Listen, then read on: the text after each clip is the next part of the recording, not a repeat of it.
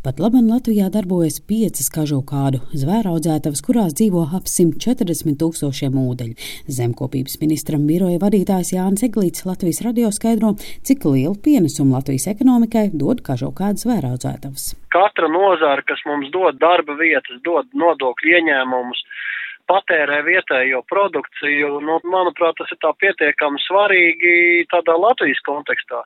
Protams, ka ūdens mēs nēdam, protams, ka var runāt par to, ka lielāko daļu šī nozares eksportē to produktu, bet tas nepadara viņu maznozīmīgāku. Uz vietas, ja kaut kas paliek, tad nu, tas apjoms nav liels.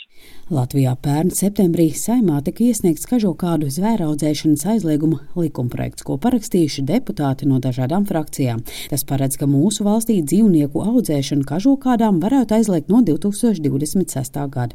Likumprojekts vēl aizvien nav sagaidījis savu kārtu izskatīšanai Saimas tautsēmniecības agrārās vides un reģionālās politikas komisijā. Katrā no valstīm, kurā aizliedz dzīvnieku audzēšanu kažokādām, valdības izvēlas iet savu ceļu. Vai nu kažokādu audzēšanas uzņēmumiem nosaka pārējais periodu, kad tiem darbība jābeidz, vai arī maksā kompensāciju par uzņēmējdarbības apturēšanu. Jānis Eglīts atgādina, ka likumprojekts, kas aizliegtu kažokādu dzīvnieku audzēšanu, tika skatīts jau iepriekšējā saimā, un toreiz tā lēma, ka šai nozarei ir vieta Latvijas ekonomikā. Šobrīd situācija ir cita, audzētavās rodas Covid-19 perēkļi. Uz jautājumu, vai šo nozaru uzņēmumu darbību, ņemot vērā riskus, varētu aizliegt ātrāk nekā 2026. gadā, kā paredz saimā iesniegtais likumprojekts, Jānis Eglīts uzsver, ka esošā situācija pieprasa ātrāk uzsākt diskusijas saimā. Diskusija rezultātā, protams, ka tas gadu skaidrs var pamainīties. Jebkurš pārējais posms, viņš dod iespēju uzņēmējiem pārorientēt savu darbību vai kaut ko citu darīt. Pie jebkāda gadu skaitļa, nu, teiksim, šī te, nu, kompensācija izmaksa, viņa attiecīgi, nu, protams, ka samazinās. Šobrīd mēs tās kompensācijas piedāvājam, jo tas lēmums nāk, nu, tagad tā uzreiz, tā džiks un jāgriež, un tur uzņēmējiem nav variants kaut ko pārorientēt vai kaut kā, nu, darīt citādāk pie jebkāda pārējais posma e, iespēja runāt par kompensācijām strauji samazinās.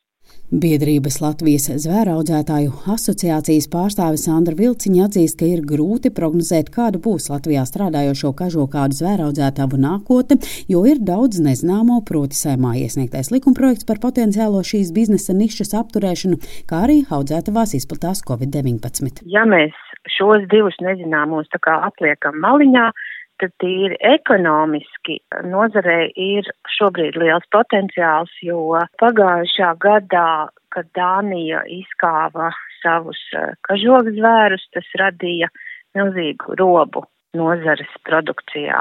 Un šobrīd uh, tās valstis, kurās šī nozara darbojās, viņām ir diezgan daudz jāstrādā un daudz jāražo, lai šo robu aizpildītu. Uz jautājumu, kādu ceļu potenciāli vajadzētu iet Latvijai, maksāt kompensāciju vai noteikt pārējais periodu, ja tiktu aizliegta kažo kādu zvēru audzēšana, Sandra Vilciņa pauž šādi. Būs neapmierina neviens, ne otrs no šiem ceļiem, jo mēs gribam strādāt un mēs gribam nozari paplašināt un mēs gribam turpināt ar to nodarboties bez kompensācijām un bez aizliegumiem. Un ja šo nozari slēdz, nu, tad tur būtu jābūt ļoti skaidram pamatojumam un formulējumam, kāpēc tas tiek darīts un ko tas dos Latvijas valsts ekonomikai un tieši pretēji, ko ekonomika līdz ar to zaudēs šo nozaru likvidējot. Nevalstiskās organizācijas dzīvnieku brīvība līdzdibinātāja dzīvnieku tiesību aktīviste Katrīna Krīger uzsver,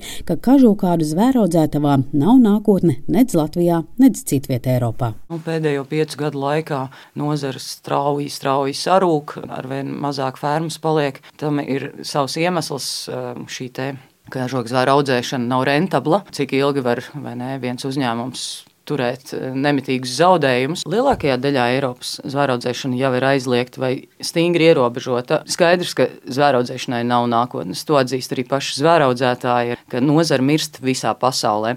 Protams, ka mirklī, kad kāds mirst, ja, tad viņš vēl mēģina spirināties un mēģina nu, kaut kā pēdējo elpu raut. Un arī šeit Latvijā, es domāju, tas ir eh, lielākais risks, ka šobrīd atlikušie daži zvēraudzētāji mēģinās vienkārši no valsts izkrāpt pēc iespējas vairāk naudas, lai faktiski sektu visus savus pēdējo piecu gadu zaudējumus un aiziet no visas šīs spēles kā uzvarētāji. Runājot par citu valstu pieredzi, Katrīna Krīger teica, ka katra valsts izvēlas savu modeli. Piemēram, pārējais periodu kā kompensācijas mehānismu piemēroja Vācijā, Austrijā, Slovākijā, Luksemburgā, Ungārijā un Serbijā. Savukārt Itālijā, kas kažo kādu zvēru audzēšanu plāno aizliegt no šī gada vidus, šīs nozars uzņēmumiem maksās kompensāciju. Tiesa valsts ir noteikusi kompensācijas griestus, cik katrs uzņēmums var saņemt. Linda Zalāne, Latvijas radio.